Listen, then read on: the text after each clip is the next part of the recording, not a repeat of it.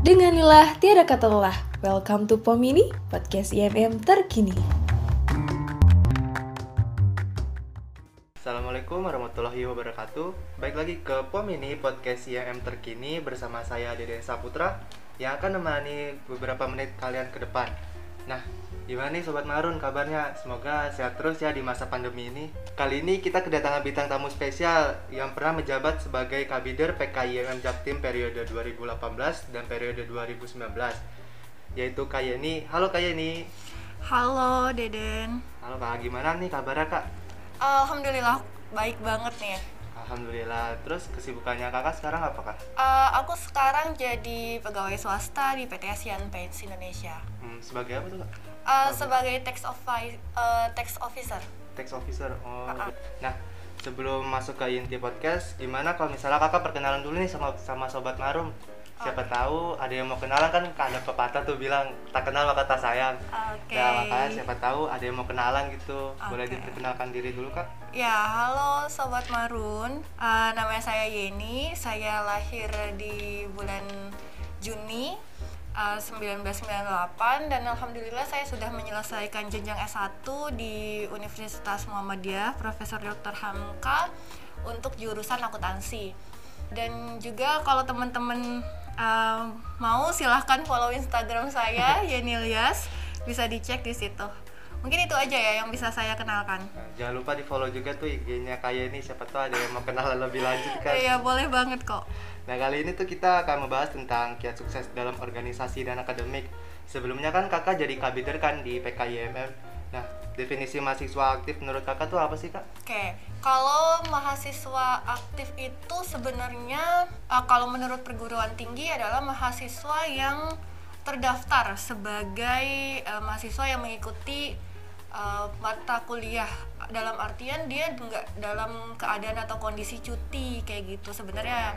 Tapi mungkin di sini lebih ke arah mahasiswa yang aktif organisasi itu kita biasanya sering nyebutnya itu sebagai aktivis mahasiswa atau mahasiswa aktivis nah biasanya kalau mahasiswa aktivis itu adalah yang mahasiswa yang memang kegiatannya bukan hanya belajar aja gitu di kampus tapi dia punya kegiatan ikut organisasi, ikut lembaga-lembaga eksternal lainnya gitu yang ada di kampus. Itu sih kalau misalkan kita eh, ngomongin terkait mahasiswa aktivis. Oh gitu.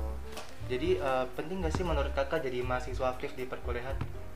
Itu kalau menurut aku penting banget ya, soalnya eh, selain kita kuliah untuk belajar, kita juga dituntut untuk eh, punya pengalaman. Pengalaman yang mungkin nanti akan kepake pada saat kita lulus dari kuliah kan, entah itu pengalaman dalam berorganisasi, manajemen ataupun lainnya itu sangat penting. Karena pertama kita itu bisa membangun pola pikir. Pola pikir kita itu berkembang pada saat kita ada di organisasi.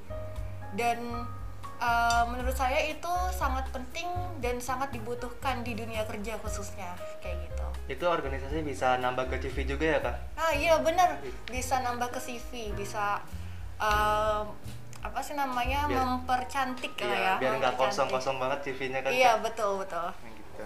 Kan jadi mahasiswa aktif tuh salah satunya ikut organisasi ya kak? Nah salah satu nah, organisasi itu apa sih kak? Organisasi itu mungkin teman-teman bisa cari juga ya di KBBI atau lainnya. Tapi kalau saya menye- eh, mendeskripsikan adalah sebuah lembaga atau tempat atau mungkin kita sebut wadah ya, wadah yang eh, apa namanya bisa membuat kita eh, berkembang, terus juga bisa membantu kita untuk menemukan skill kita tuh kayak gimana sih gitu. Biar Mm-mm. perkuliahannya juga nggak monoton-monoton banget ya kak? Iya betul. Gitu.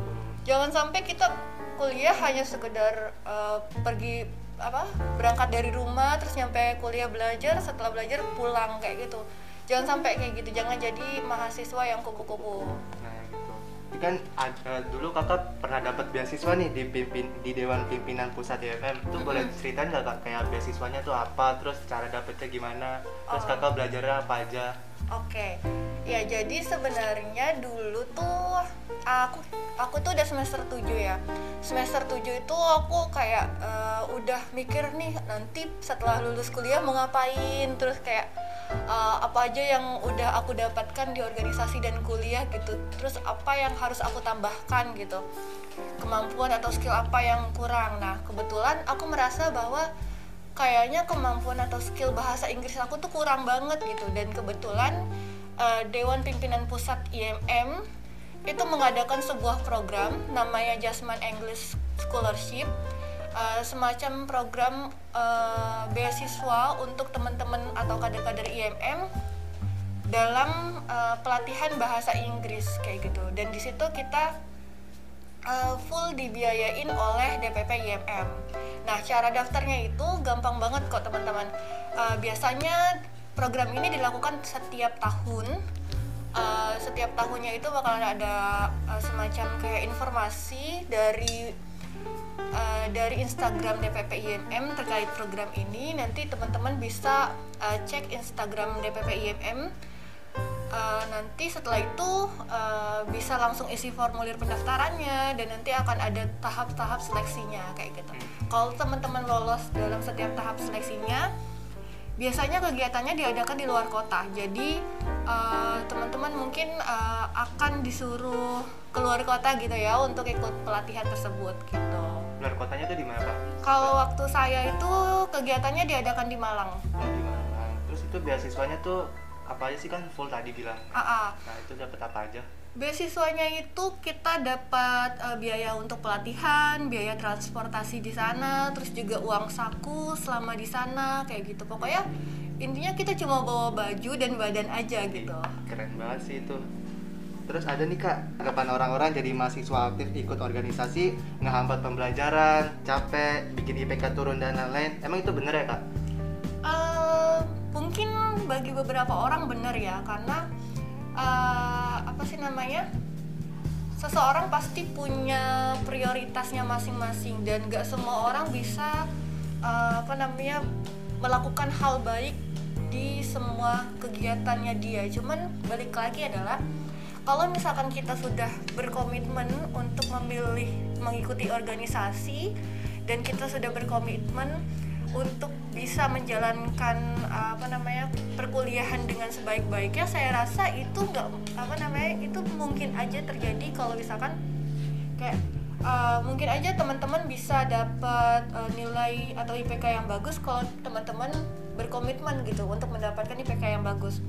Mungkin juga teman-teman bisa uh, aktif organisasi dengan baik kalau misalkan teman-teman berkomitmen gitu untuk mengikuti organisasi itu dengan baik. Jadi sebenarnya itu tergantung pada diri teman-teman gitu. Baik lagi ke diri sendiri ya? Iya, kalau misalkan teman-teman ikut organisasi kayak cuman coba-coba, terus pada saat teman-teman merasa capek lelah, teman-teman hilang atau mungkin kayak ya udahlah eh, nggak usah ikut organisasi lagi, berarti sebenarnya teman-teman itu nggak ada komitmen gitu loh untuk eh, ikut organisasi. Ataupun kayak misalkan eh, pada saat teman-teman ikut organisasi terus teman-teman merasa kok IPK kok IPK saya eh, turun gitu kan ke gara-gara organisasi. Nah, berarti di situ kesalahannya bukan ada pada organ- organisasi tapi pada komitmen teman-teman apakah teman-teman memang berkomitmen terhadap apa yang teman-teman pilih atau enggak kayak gitu Terus gimana sih cara survive di organisasi dan pembelajaran biar kayak stabil gitu kak? oke pertama sih ya balik lagi eh, teman-teman eh, tetap memegang komitmen yang teman-teman pegang di awal. Kalau teman-teman memang mau mengikuti organisasi teman-teman harus punya komitmen. Eh, pokoknya saya bisa menyelesaikan kuliah dengan baik dan juga mengikuti organisasi ini dengan baik. Nah kalau misalkan teman-teman udah megang itu dari awal sampai akhir teman-teman eh, bisa menjalani itu dengan baik. Nah selanjutnya selain komitmen yang diperlukan adalah eh, teman-teman paham yang mana yang menjadi prioritas. Jadi kita tuh di eh, sebagai mahasiswa nggak mau nonton atau nggak apa ya nggak kaku gitu. Kalau misalkan teman-teman uh, memang ada kebutuhan di perkuliahan misalkan seperti ada ujian ya nggak apa-apa teman-teman meninggalkan organisasi sebentar gitu. Setelah ujian selesai baru teman-teman uh, bantu untuk eh, apa namanya kegiatan-kegiatan di organisasi lainnya kayak gitu jadi kayak kita harus bisa manajemen waktu manajemen diri terus juga kita tahu yang mana yang yang harus kita jadikan prioritas Tuh. Ah, ah. Jadi kan sekarang semenjak pandemi itu aktivitas kita terbatas ya kak, termasuk dalam perkuliahan, organisasi dan yang lainnya. Nah gimana sih cara kita beradaptasi di lingkungan perkuliahan yang sekarang serba daring ini? Eh, kalau misalkan saya ngasih saran, boleh ngasih saran ya, karena kan saya udah lulus, jadi sebenarnya saya juga nggak tahu sih gimana kondisi atau eh, keadaan kalau misalkan kita kuliah secara daring, gimana eh, rasanya, karena saya sudah tidak kuliah lagi kan. Cuman kalau menurut saya sih pertama adalah teman-teman eh, harus have fun, jangan terbebani dengan apa namanya dengan kondisi kuliah daring ini gitu karena kalau misalkan di awal teman-teman udah merasa terbebani dengan kondisi seperti ini nanti ke depannya bakalan terbebani juga jadi kayak Jadi nggak enjoy. eh, eh, nggak enjoy pada saat kalian ngikutin perkuliahan nggak enjoy terus juga pada saat kalian ngikutin eh, organisasi yang secara daring itu juga nggak enjoy dan akhirnya hasilnya pun nggak bakalan memuaskan Iya. gitu jadi pertama adalah teman-teman harus enjoy dulu gitu untuk melakukan setiap kegiatan. Terus kan nih, ada tips gak sih buat Sobat Marun biar kuliah, prestasi, dan organisasi tetap jalan di masa pandemi ini? Uh, tipsnya adalah uh, coba teman-teman explore apa sih sebenarnya minat minat teman-teman terus juga bakat teman-teman. Terus kalau misalkan teman-teman udah paham nih ah ternyata saya minat nih di organisasi ini ya udah lakukan aja gitu. Jangan ada keraguan sama sekali di uh, di diri teman-teman. Jangan sampai teman-teman ber- berpikir nanti takut kalau ikut organisasi uh, IPK-nya turun. Jangan dulu berpikir seperti itu. Karena kalau misalkan teman-teman udah berpikir seperti itu teman-teman nggak akan bisa uh, maju atau memutuskan untuk mengikuti kegiatan gitu kegiatan selain kegiatan perkuliahan. Jadi teman-teman harus uh, apa namanya beranikan diri untuk mengikuti organisasi. Misalkan uh, ada kalau di FEB UHAMKA kan ada hima akuntansi dan manajemen hima ekonomi Islam terus juga ada uh, PKIM MFEB UHAMKA gitu kan Ada UKM juga. ada UKM-nya juga. Nah, teman-teman boleh pilih uh, organisasi apa pun yang teman-teman mau, yang teman-teman minati. Setelah teman-teman memilih, teman-teman tahu gitu kan.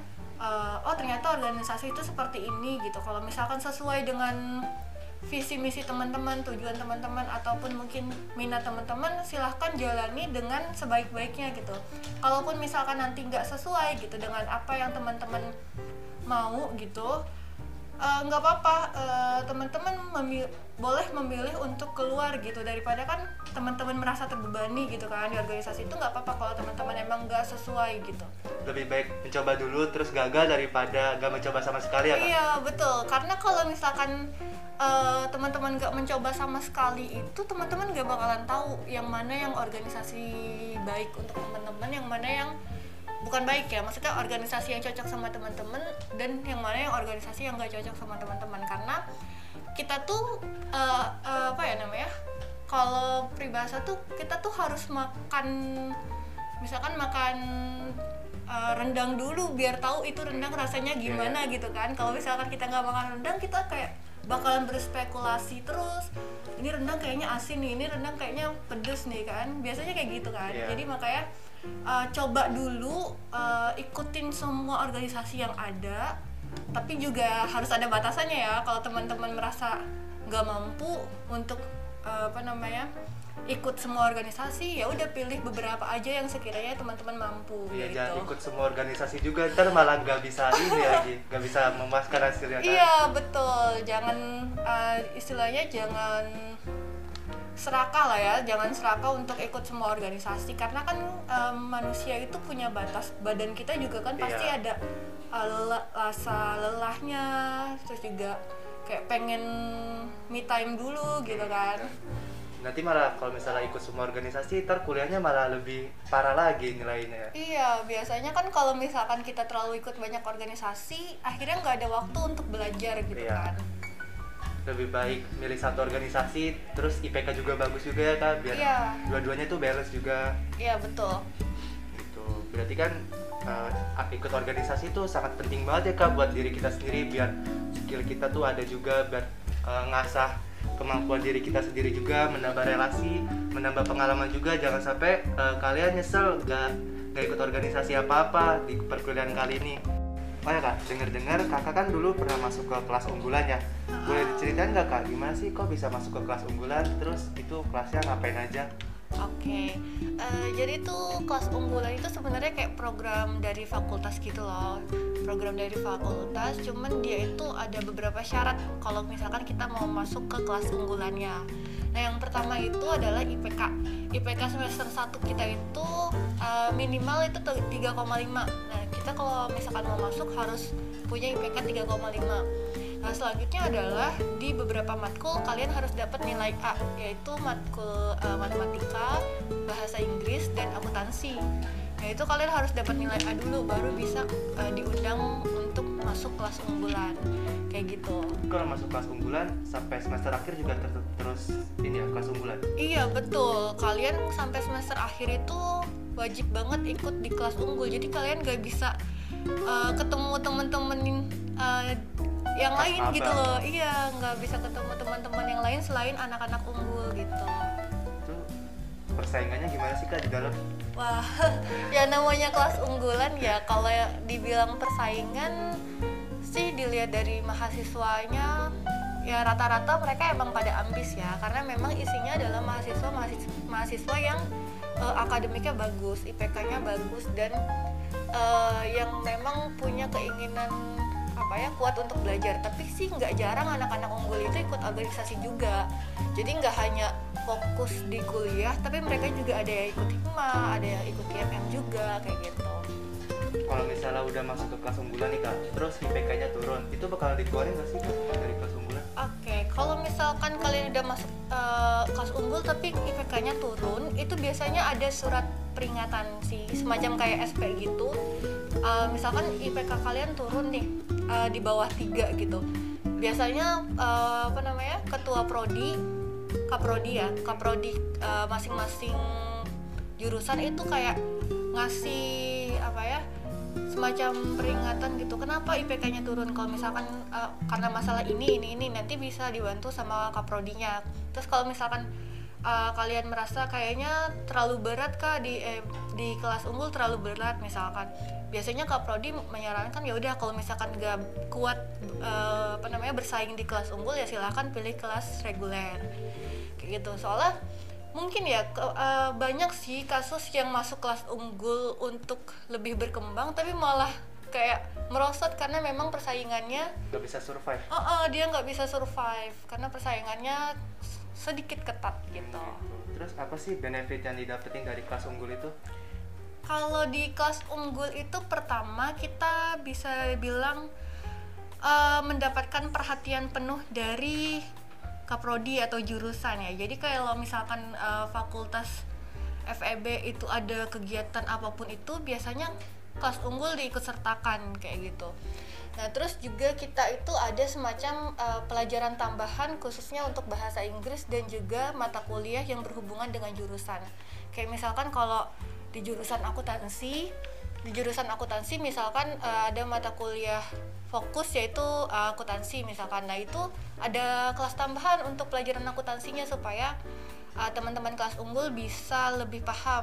Terus juga begitupun di jurusan manajemen itu ada semacam kayak eh, kelas tambahan untuk matkul-matkul manajemennya kayak gitu Hmm, gitu. Terus ya kak, dengar-dengar juga nih ya, kayak ini eh, ada rencana buat lanjutin S2 ke luar negeri ya kak? iya insya Allah Boleh diceritain nggak kak gimana sih plannya buat lanjutin ke S2 nanti? Oke, Eh, sebelumnya eh, mungkin saya sedikit cerita nggak apa-apa ya. Iya nggak apa. Iya, jadi itu waktu semester 7 eh, waktu semester 7 itu saya kayak eh, bingung tuh kayak eh, masa depan saya mau ngapain sih nanti? Apakah lulus kuliah mau kerja ataukah mau mau jadi apa? Kayak gitu kan. Biasanya kan kita mikirin masa depan itu pada saat semester 1 ya tapi saya tuh agak sedikit telat. Saya semester 7 baru mikirin masa depan gitu.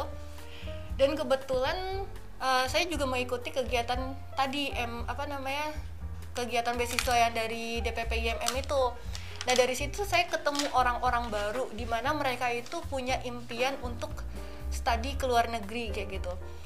Dari mereka pun saya kayak termotivasi untuk bisa melanjutkan studi ke luar negeri.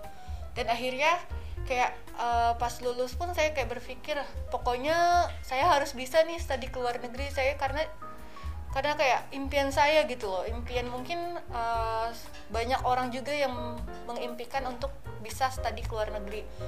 Dan sebenarnya kayak susah gitu ya kayak saya harus uh, punya sertifikat bahasa saya harus punya apa sih namanya uh, banyak pengalaman lain supaya bisa lul bisa apa namanya dinyatakan lolos di universitas tertentu di luar negeri kayak gitu. Makanya saat ini kayak saya masih mempersiapkan dari segi bahasanya, dari segi pengalaman yang akan saya branding sebagai apa ya? sebagai CV di apa? di pendaftaran pada saat uh, kuliah di luar negeri kayak gitu. Nah, kebetulan juga uh, insya Allah sih uh, tanggal 4 Oktober itu saya akan berangkat ke Jogja untuk ikut pelatihan uh, bahasa Inggris lagi gitu kan. Kebetulan itu adalah uh, salah satu program dari Muhammadiyah namanya Muhammadiyah Scholarship Preparation Program.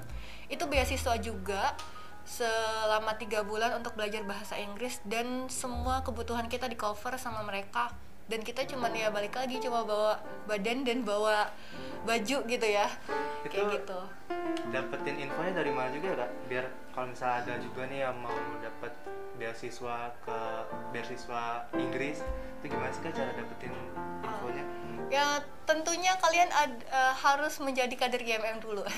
Nggak nggak bercanda. Maksudnya kan uh, pada saat kalian uh, ikut uh, organisasi itu bakalan banyak informasi-informasi dari luar entah itu terkait beasiswa atau mungkin informasi lainnya yang secara uh, secara berkala bakalan kalian dapetin gitu dari organisasi tersebut. Misalkan kayak organisasi hima kalau misalkan kalian ikut organisasi hima kalau kalian mau tahu informasi-informasi terkait uh, kompetensi akuntansi atau kompetensi manajemen atau kewirausahaan itu kalian pasti bakalan dapet di situ.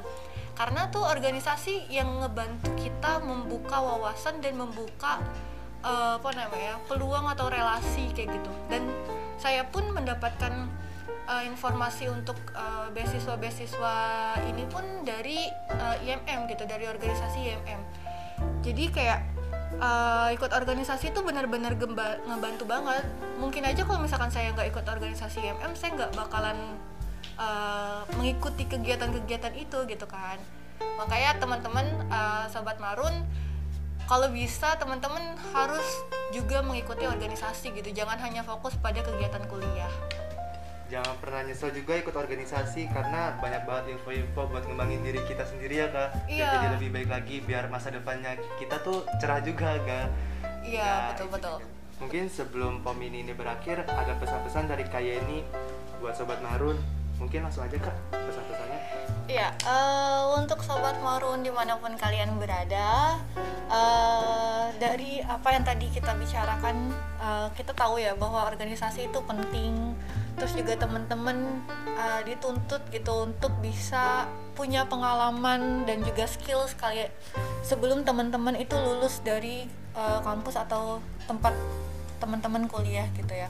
Jadi uh, teman-teman harus berpikir ulang lagi kalau misalkan ada teman-teman nih yang kayaknya nggak usah ikut organisasi nih kayaknya mendingan fokus kuliah aja. Nah teman-teman yang kayak gitu harus uh, apa ya berpikir ulang lagi nih bahwa sebenarnya tuh organisasi penting banget makanya saya bisa bilang teman-teman coba ikut organisasi yang teman-teman minati dan juga jangan lupa 2021 teman-teman harus gabung IMM ya betul betul Nah, baik Sobat Marun, gak kerasa kita udah di ujung acara pom ini kali ini. Sebelumnya saya mau ucapin makasih ke Kaya ini karena udah berkenan hadir dan menyempatkan waktunya untuk mengisi pom ini kali ini. Ya, sama-sama teman-teman. Makasih juga buat Sobat Marun yang udah setia dengerin dari awal sampai akhir. Semoga ilmu yang diberikan sama Kaya ini bisa bermanfaat bagi kita semua. Oh ya, jangan lupa follow IG kita di @tkimmfebuhamka dan jangan lupa follow akun Spotify kita biar kita makin semangat nih bikin konten-konten yang bermanfaat buat kalian semua. Kurang lebihnya mohon maaf. Bilahi fisabilil haq, fastakbirul khairat. Wassalamualaikum warahmatullahi wabarakatuh.